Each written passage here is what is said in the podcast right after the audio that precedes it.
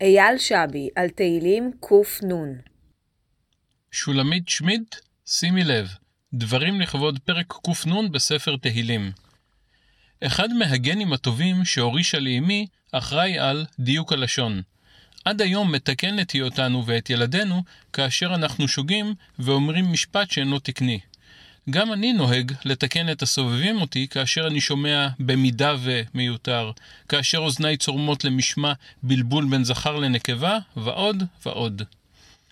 את הגן הזה, שהורישה לי אמי, חיזקה, טיפחה וחידדה עבורי הגברת שולמית שמיד, המורה ללשון שהטילה את חיטתה על התלמידים בתיכון של בית הספר להנדסאים בתל אביב. המפגש הראשון והמקרי שלי עם שולמית הסתיים באיום, סרק כמובן, על מלקות, לאחר שטענתי בשוגג שבלשון רבים אומרים מלקות במקום מלאכות. כאשר הגענו לכיתה י', הגברת שולמית שמיד, שהכינה אותנו לבגרות בלשון, התגלתה כאישה מקסימה ומורה למופת. עד היום אני זוכר את משחקי המילים שהיו מסימני ההיכר של הגברת שמיד, ואת העונג מהשפה העברית שחוויתי בשיעורים.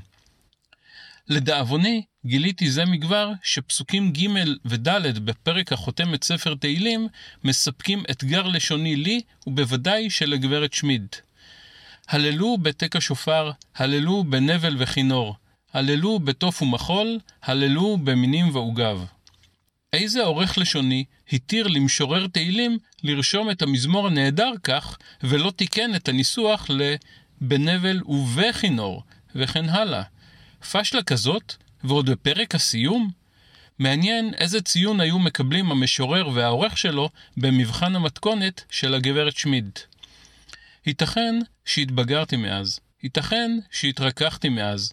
כיום אני מבין אט אט שאפשר להתגמש פה ושם בענייני כתיב ודקדוק, כדי שהקורא יבין את הכתוב, או כדי שהמנגינה תזרום בטבעיות, ללא עצירה מיותרת עקב ריבוי אותיות בית השימוש.